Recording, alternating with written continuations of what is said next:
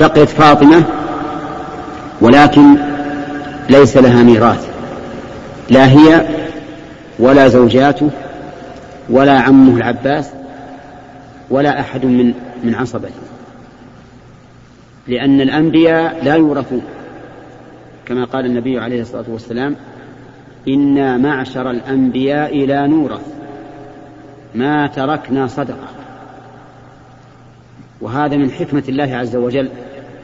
لأنهم لو ورثوا لقال من يقول إن هؤلاء جاءوا بالرسالة يطلبوا ملكا يورث من بعدهم ولكن الله عز وجل منع ذلك. فلا فالأنبياء لا يورثون. بل ما يتركونه يكون صدقة يصرف للمستحقين له. والله موفق. الله رب العالمين والصلاة والسلام على نبينا محمد وعلى آله وصحبه أجمعين. نقل المؤلف رحمه الله تعالى عن أسامة بن زيد بن حارثة مولى رسول الله صلى الله عليه وسلم وحبه وابن حبه رضي الله عنهما قال أرسلت بنت النبي صلى الله عليه وسلم إن ابني قد احتضر فاشهدنا فأرسل يقرئ السلام ويقول إن لله ما أخذ وله ما أعطى وكل شيء عنده بأجل مسمى فلتصبر ولتحتسب.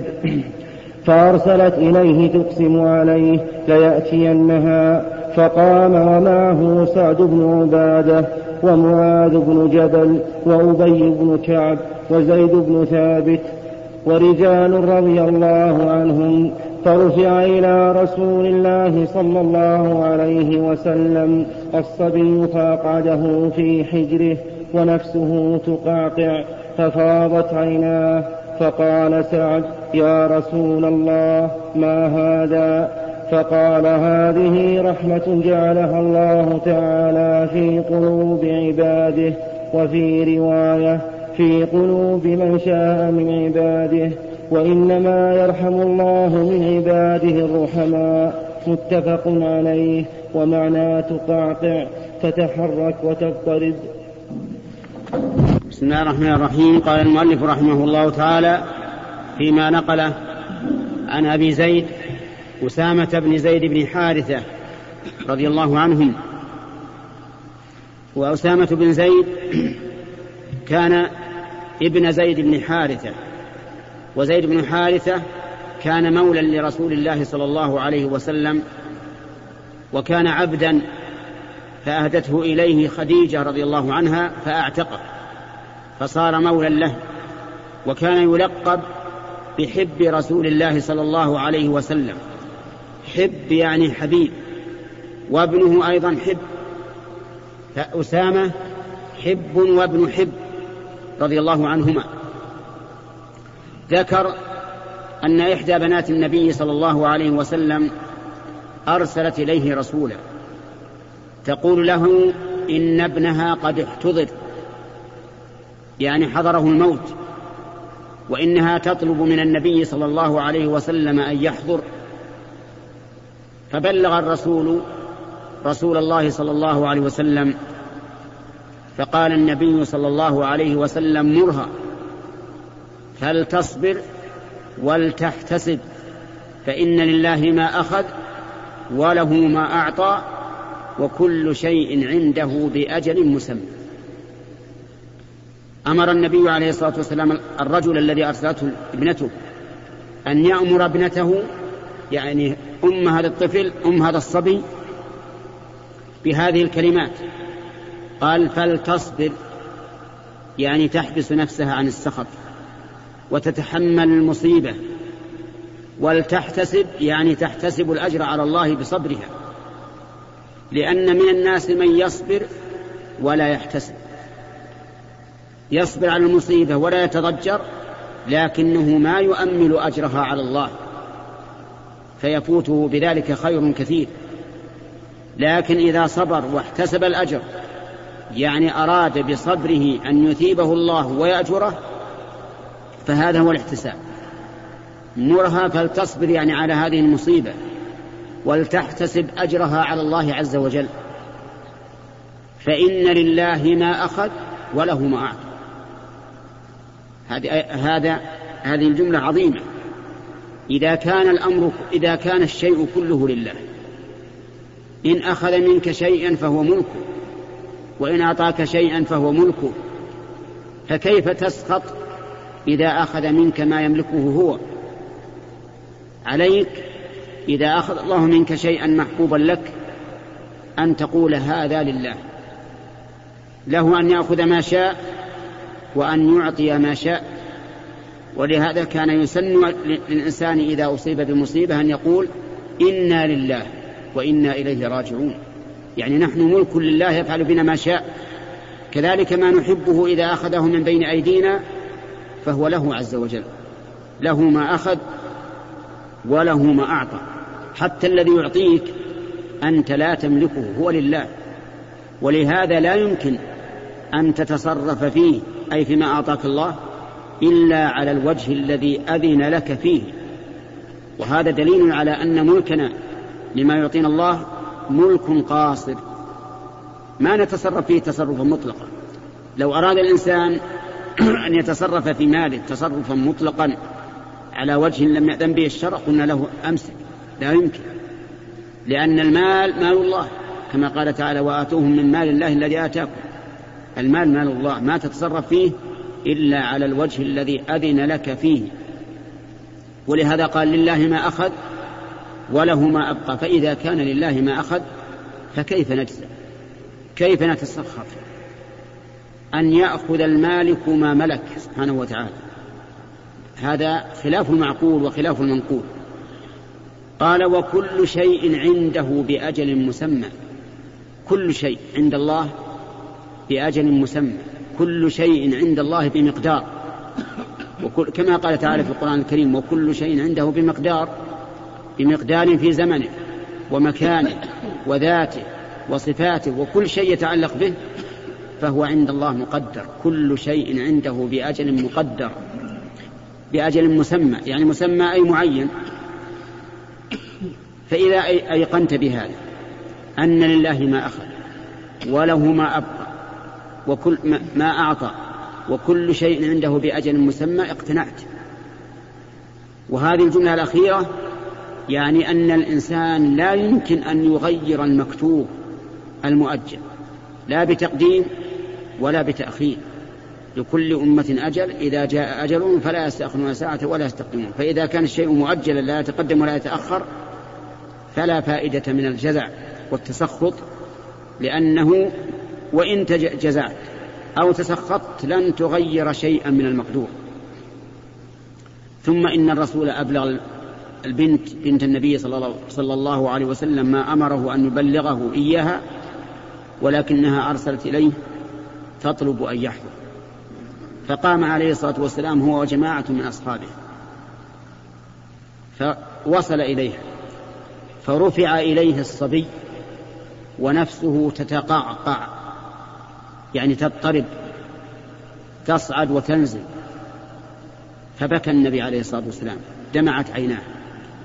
فقال سعد بن, معاذ بن عبادة وكان معه وكان هو سي سيد الخزرج يعني سيد القبيلة الكبيرة من الأنصار وهي الخزرج. فقال ما هذا؟ ظن أن الرسول صلى الله عليه وسلم بكى جزعا. ما هذا؟ كيف تبكي؟ فقال النبي صلى الله عليه وسلم هذه رحمة. يعني بكيت رحمة بالصبي لا جزعا بالمقدور. ثم قال عليه الصلاة والسلام إنما يرحم الله من عباده الرحماء. ففي هذا دليل على جواز البكاء رحمة بالمصاب. إذا رأيت مصابا في عقله أو بدنه فبكيت رحمة به فهذا دليل على أن الله تعالى جعل في قلبك رحمة. وإذا جعل الله في قلب الإنسان رحمة كان من الرحماء الذين يرحمهم الله عز وجل. نسأل الله أن يرحمنا وإياكم برحمته. المهم أن في هذا الحديث دليل على وجوب الصبر. لأن النبي صلى الله عليه وسلم قال مرها فلتصبر ولتحتسب. وفيه دليل أيضا على أن هذه الصيغة من على أن هذه الصيغة من العزاء أفضل صيغة. أفضل من قول بعض الناس أعظم الله أجرك وأحسن عزاءك وغفر لميتك. هذه صيغة اختارها بعض العلماء لكن الصيغة التي اختارها الرسول عليه الصلاة والسلام اصبر واحتسب لله ما أخذ وله ما أعطى وكل شيء عنده بأجل مسمى. هذه إذا سمعها المصاب اقتنع أكثر. والتازية في الحقيقة ليست تهنئة كما ظنها بعض العوام. ليست تهنئة يحتفل بها وتوضع لها الكراسي وتوقد لها الشموع ويحضر لها القرى والأطعمة. لا التعزية تسلية وتقوية للمصاب أن يصبر. ولهذا لو أن أحدا لم يصب بالمصيبة مثل لو مات له ابن عم ولم يهتم به فإنه لا يعزى التعزية ما هي تهنئة. كأنه ولد له فإذا ولد له هنأناه. التعزية تسلية وتقوية على الصبر. ولهذا قال العلماء رحمهم الله تسن تعزية المصاب ولم يقولوا تسن تعزية القريب. لأن القريب قد لا يصاب بموت قريبه والبعيد يصاب. لقوة صداقة بينهما مثلا. فالتعزية للمصاب لا للقريب أما الآن مع الأسف فانقلبت الموازين وصارت التعزية للقريب.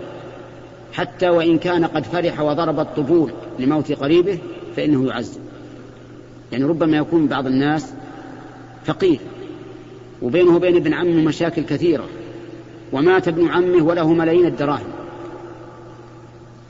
هل يفرح إذا مات ابن عمه في مثل هذه الحال؟ أو يصاب غالبا يفرح. يقول الحمد لله الذي فكني من مشاكله وورثني ماله.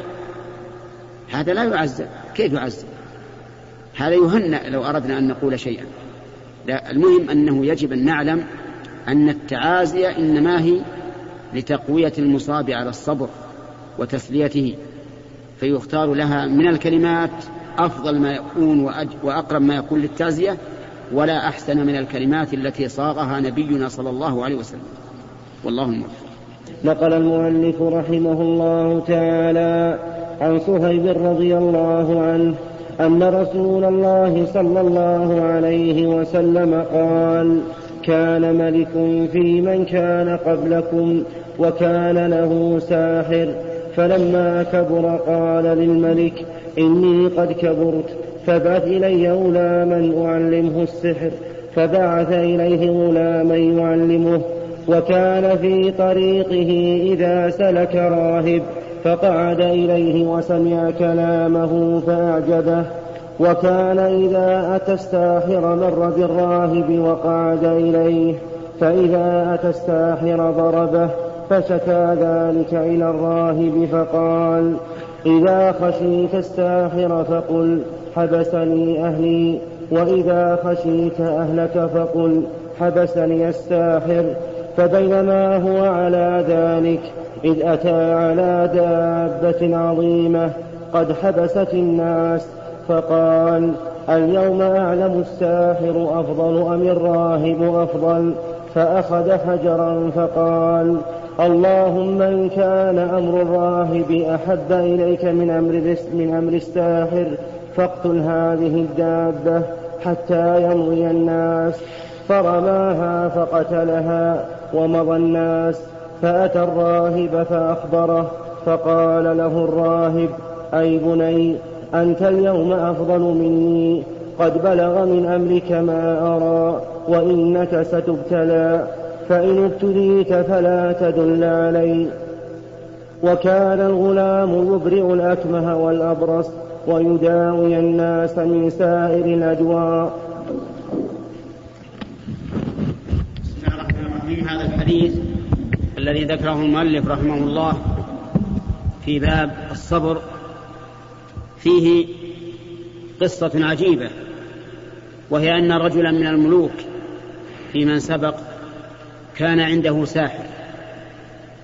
هذا الساحر اتخذه الملك بطانة من أجل أن يستخدمه في مصالحه ولو على حساب الدين لأن هذا الملك لا يهتم إلا بما فيه مصلحته وهو ملك مستبد قد عبد الناس لنفسه كما سيأتي إن شاء الله في آخر الحديث.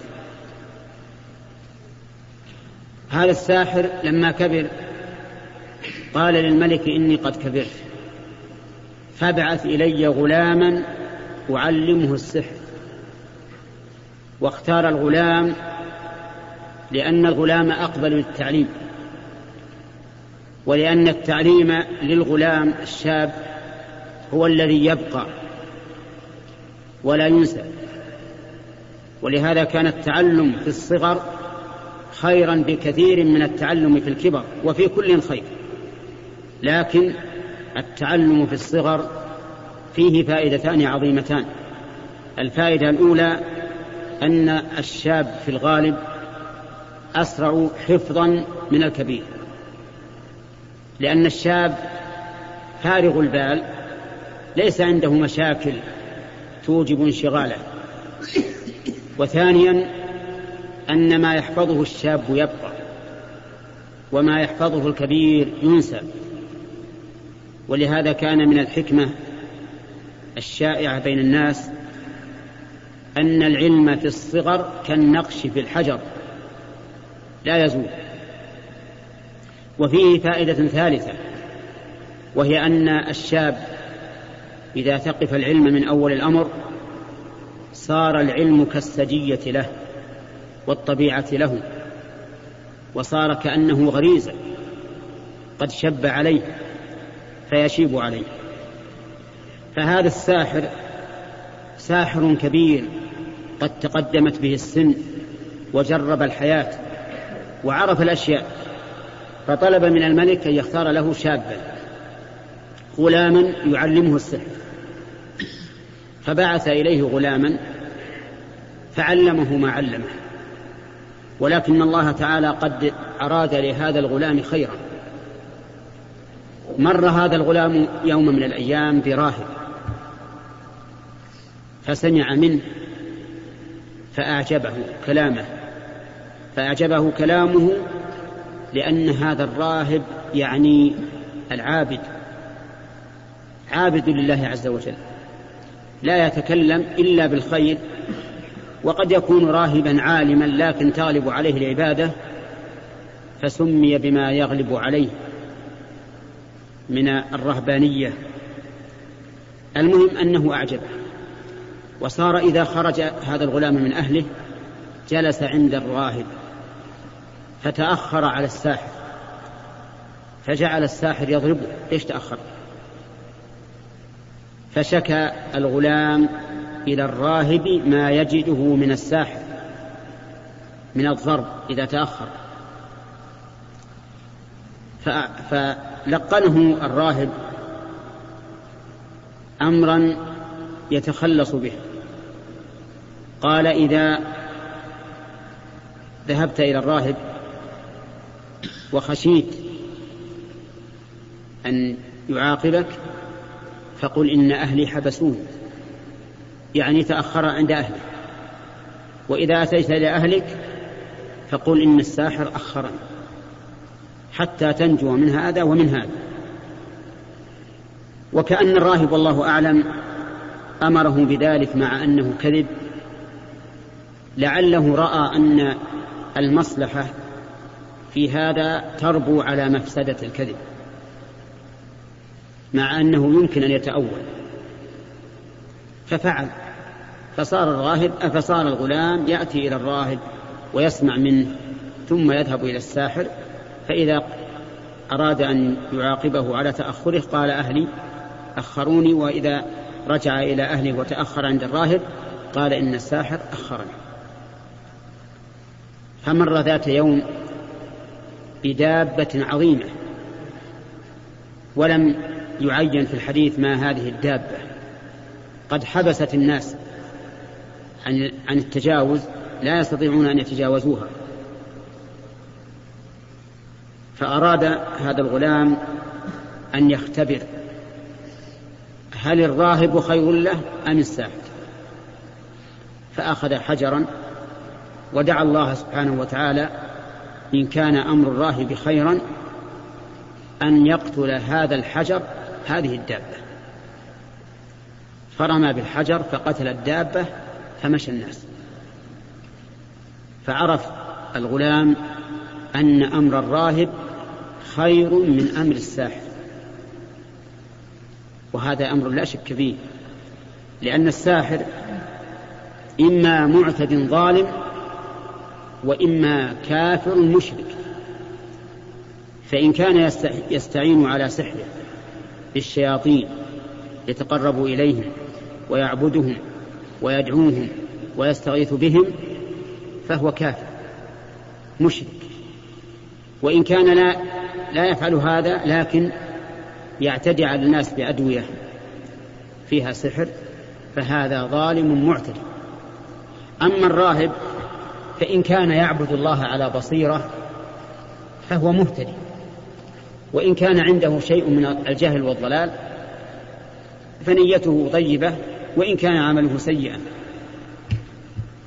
المهم أن هذا الغلام أخبر الراهب بما جرى. فقال له الراهب أنت اليوم خير مني. وذلك لأن هذا الغلام دعا الله فاستجاب الله له.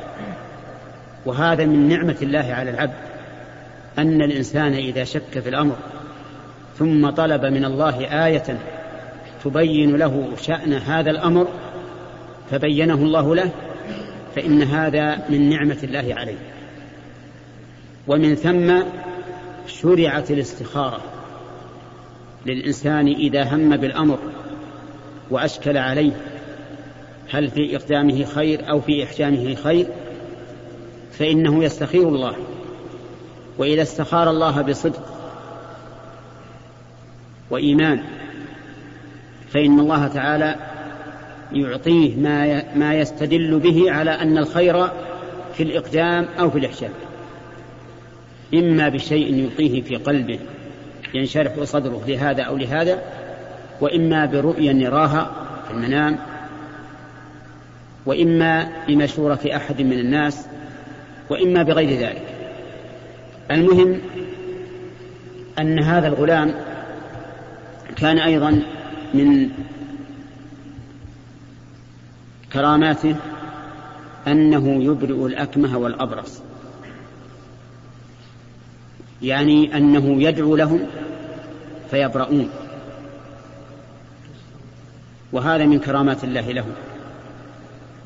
وليس كقصة عيسى بن مريم يمسح صاحب العاهة فيبرأ بل هذا يدعو الله فيستجيب الله تعالى دعاءه فيبرئ بدعائه الأكمه والأبرص. وقد أخبره الراهب أخبر هذا الغلام بأنه سيبتلى يعني سيكون له محنة واختبار وطلب منه أن لا يخبر به إن هو ابتلي بشيء. وسيأتي إن شاء الله بقية الحديث. وكان الغلام يبرئ الأكمه والأبرص ويداوي الناس من سائر الأدواء. فسمع جليس للملك كان قد عن فسمع جليس للملك كان قد عمي فأتاه بهدايا كثيرة فقال ما ها هنا لك أجمع إن أنت شفيتني. فقال إني لا أشفي أحدا إنما يشفي الله تعالى. فإن آمنت بالله تعالى دعوت الله فشفاك. فإن آمنت بالله تعالى دعوت الله فشفاك. فآمن بالله تعالى فشفاه الله تعالى. فأتى الملك فجلس إليه كما كان يجلس. فقال له الملك من رد عليك بصرك قال ربي قال أولك رب غيري قال ربي وربك الله فأخذه فلم يزل يعذبه حتى دل على حتى دل على الغلام فجيء بالغلام. فقال له الملك أي بني قد بلغ من سحرك ما تبرئ الأكمه والأبرص. وتفعل وتفعل فقال إني لا أشفي أحدا إنما يشفي الله تعالى. فأخذه فلم يزل يعذبه حتى دل على الراهب. فجيء بالراهب فقيل له ارجع عن دينك. فأبى فدعا بالمنشار فوضع المنشار في مفرق رأسه فشقه حتى وقع شقاه حتى وقع شقاه ثم جيء بجليس الملك.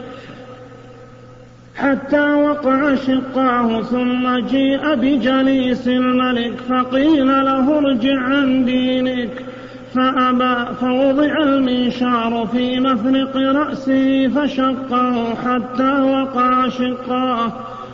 ثم جيء بالغلام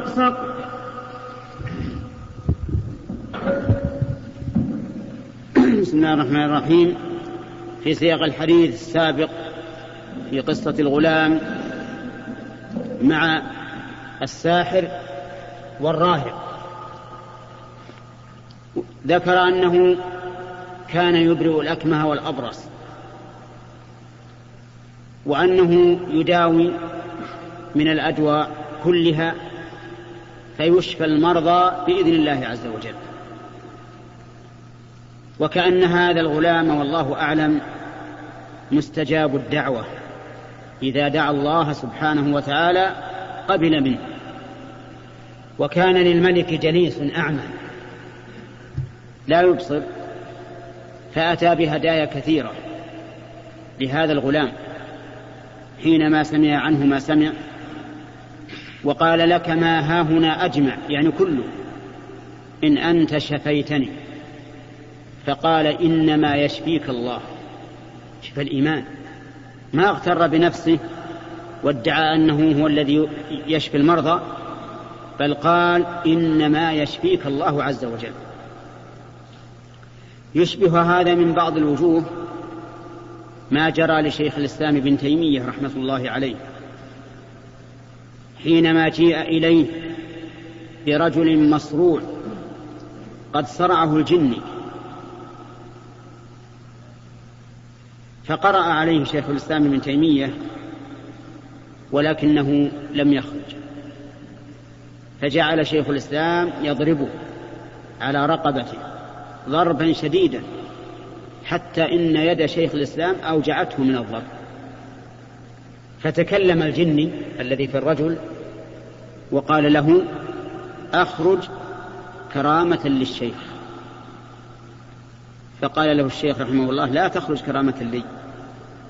ولكن يخرج طاعة لله ورسوله. لا يريد أن يكون له فضل الفضل لله عز وجل أولا وآخرا فخرج الجن فلما خرج الجن صح الرجل. فقال ما الذي جاء بي إلى حضرة الشيخ؟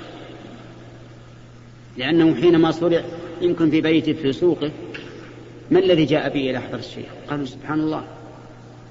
ألم تحس بالضرب الذي كان يضربك؟ قال ما أحسست به ولا أوجعه. فأخبروه فبرئ الرجل. الشاهد أن أهل العلم والإيمان لا ينسبون نعمة الله إليهم وإنما ينسبونها إلى موليها عز وجل وهو الله. قال إنما يشفيك الله يقوله الغلام للأعمى. فإن أنت آمنت دعوت الله دعوت الله لك فآمن الرجل فدعا الله فدعا الغلام ربه أن يشفيه فشفاه الله وأصبح مبصرا. أصبح مبصرا.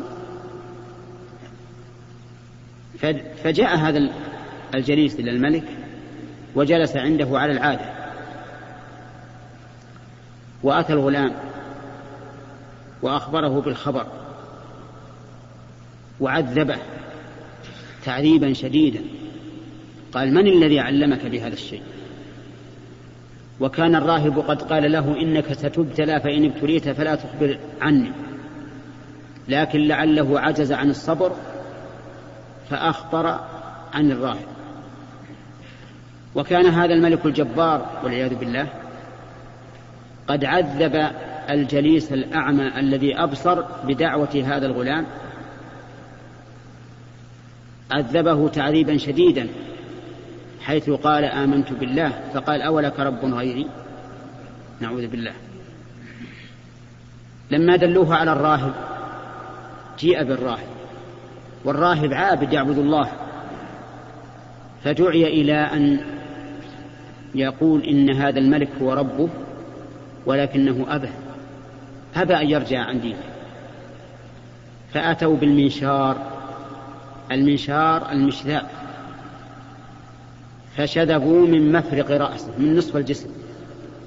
من مفرق الرأس.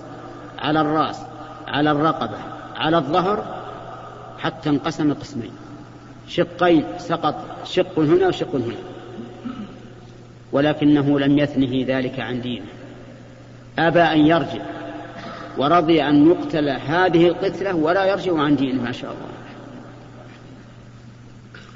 ثم جيء بالرجل الأعمى الذي كان جليسا عند الملك وآمن وكفر بالملك فدعي أن يرجع عن دينه فأبى ففعل به كما فعل بالراهب. أتي بالمنشار بالمشذاب واشذب مع نصف من هامته إلى دبره حتى انشق نصفين وسقط. ولم يرده ذلك عن دينه. وهذا يدل على أن الإنسان يجب عليه أن يصبر وأن يحتسب. ولكن هل يجب على الإنسان أن يصبر على القتل أو يجوز أن يقول كلمة الكفر ولا تضره إذا كان مكرها. هذا فيه تفصيل. إن كانت المسألة تتعلق به بنفسه فله الخيار. إن شاء قال كلمة الكفر دفعا للإكراه مع طمأنينة القلب بالإيمان. وإن شاء أصر وأبى ولو قتل. هذا إذا كان الأمر عائدا إلى الإنسان بنفسه. يعني مثل قيل له أسجد للصنم فلم يسجد فقتل أو سجد دفعا للإكراه ولم يقتل أما إذا كان الأمر يتعلق بالدين بمعنى أنه لو كفر ولو ظاهرا أمام الناس لكفر الناس. فإنه لا يجوز له أن يقول كلمة الكفر بل يجب أن يصبر ولو قتل. كالجهاد في سبيل الله. المجاهد يقدم على القتل ولو قتل لأنه يريد أن تكون كلمة الله العليا.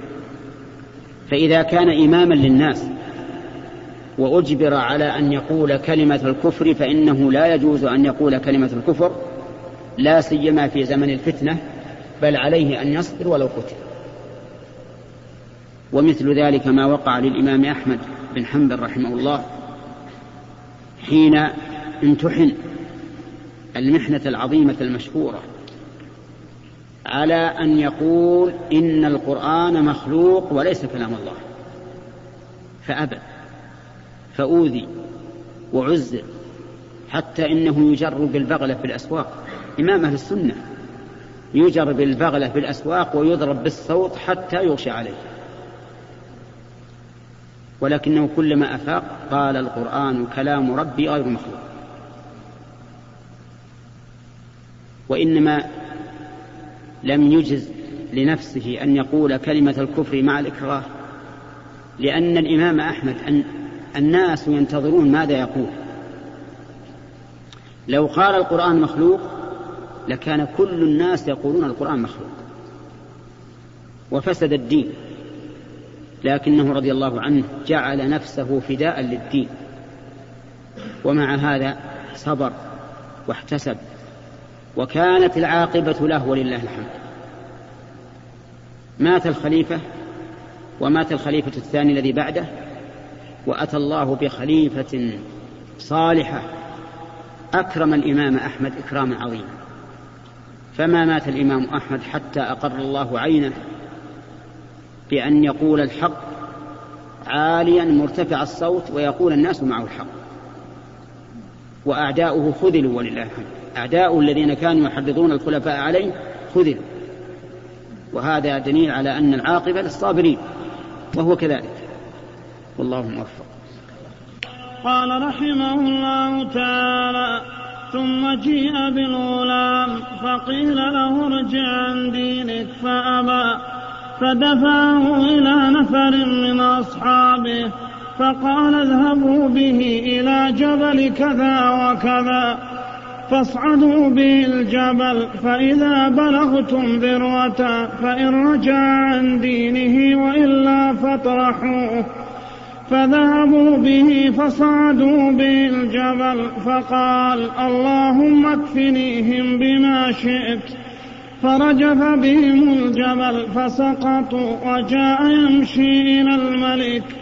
فقال له الملك ما فعل أصحابك؟ فقال كفانيهم الله كفانيهم الله تعالى فدفعهم إلى نفر من أصحابه فقال اذهبوا به فاحملوه في قرقور وتوسطوا به البحر فإن رجع عن دينه وإلا فاقذفوا فذهبوا به فقال اللهم اكفنيهم بما شئت فانكفأت بهم السفينة فغرقوا وجاء يمشي إلى الملك فقال له الملك ما فعل أصحابك؟ فقال كفانيهم الله تعالى.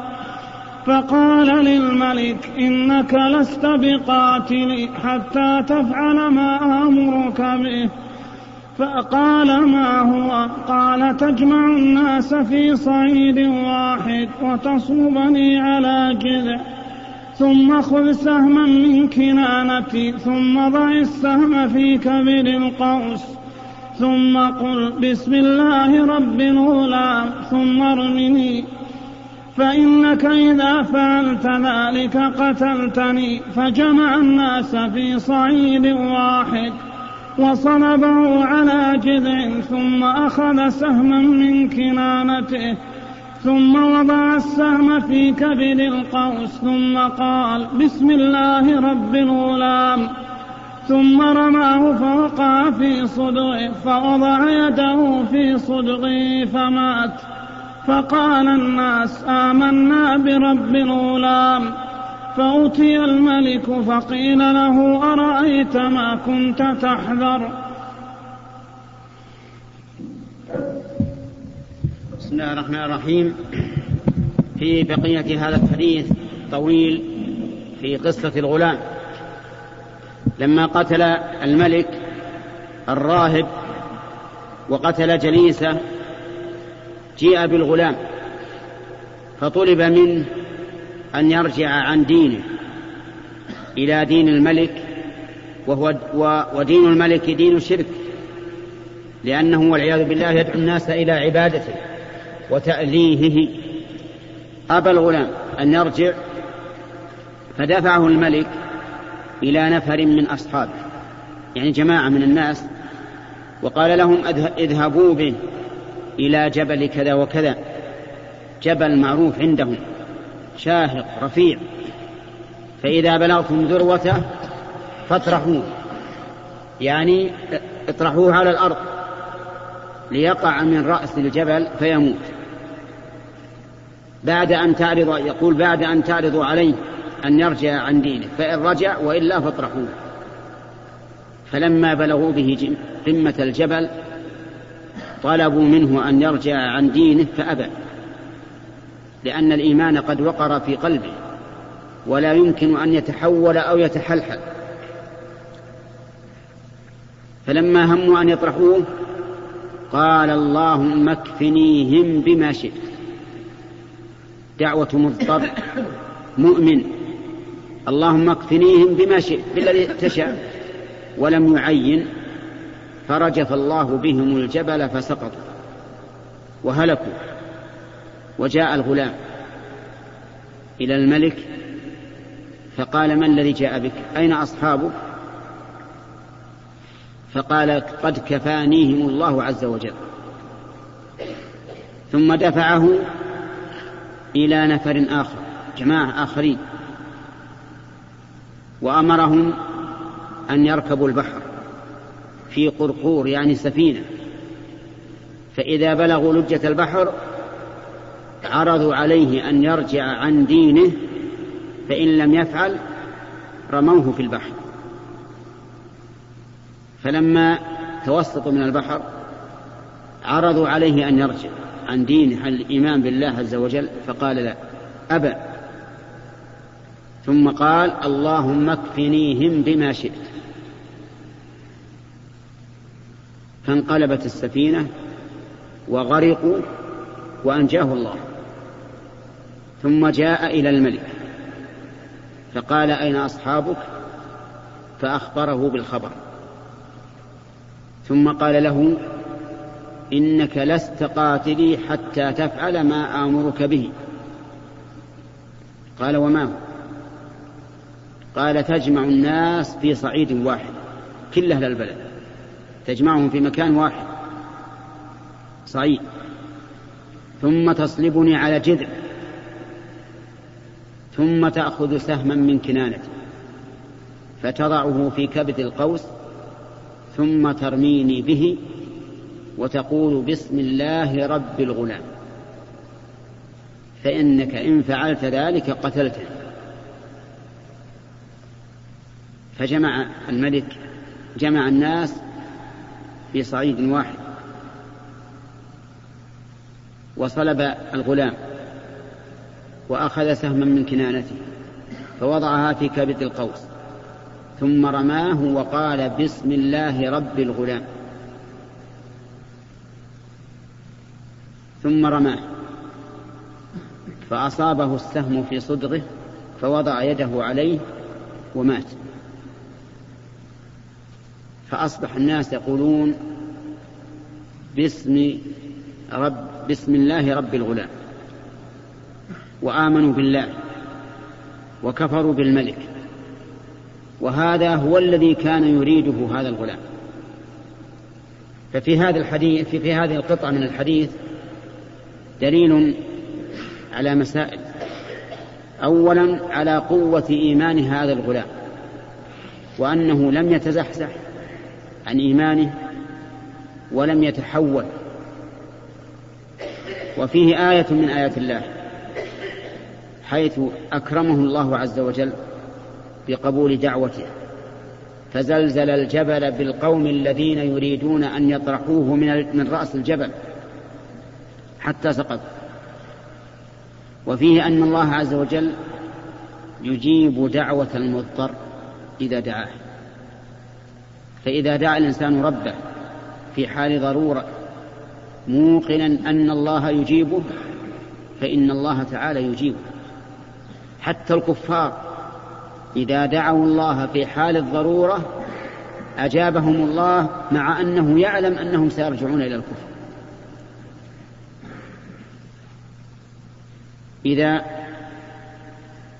غشيهم موج كالظلل في البحر دعوا الله مخلصين له الدين فإذا نجاهم أشركوا فينجيهم لأنهم صدقوا في الرجوع إلى الله تعالى عند دعائهم وهو سبحانه وتعالى يجيب المضطر ولو كان كافرا. وفيه من الفوائد أيضا أن الإنسان يجوز أن يغرر بنفسه في مصلحة عامة للمسلمين فإن هذا الغلام دل الملك على أمر يقتله به ويهلك به نفسه وهو أن يأخذ سهما من كنانته ويضعه في كبد القوس ويقول بسم الله رب الغلام. قال شيخ الإسلام لأن هذا جهاد في سبيل الله جهاد في سبيل الله. آمن أمة آمنت أمة وهو لم يفتقد شيئا لأنه مات وسيموت. إن عاجلا أو آجلا. فأما ما يفعله بعض الناس من الانتحار بحيث يحمل آلات متفجرة ويتقدم بها إلى إلى الكفار ثم يفجرها إذا كان بينهم فإن هذا من قتل النفس والعياذ بالله. ومن قتل نفسه فهو خالد مخلد في نار جهنم. أبد الآبدين كما جاء في الحديث عن النبي عليه الصلاة والسلام. لأن هذا قتل نفسه لا في مصلحة الإسلام لأنه إذا قتل نفسه وقتل عشرة أو مئة أو مئتين لم ينتفع الإسلام بذلك لم يسلم الناس. بخلاف قصة الغلام فإن فيها إسلام كثير كل اللي حضروا في هذا الصعيد أسلموا. أما أن يموت عشرة أو عشرون أو مئة أو مئتان من العدو فهذا لا يقتضي أن يسلم الناس. بل ربما يتعنت العدو أكثر ويوغر صدره هذا العمل حتى يفتك بالمسلمين أشد فتكا. كما يوجد من صنع اليهود مع أهل فلسطين. فإن أهل فلسطين إذا مات الواحد منهم بهذه التفجرات وقتل ستة أو سبعة أخذوا من جراء ذلك ستين نفر.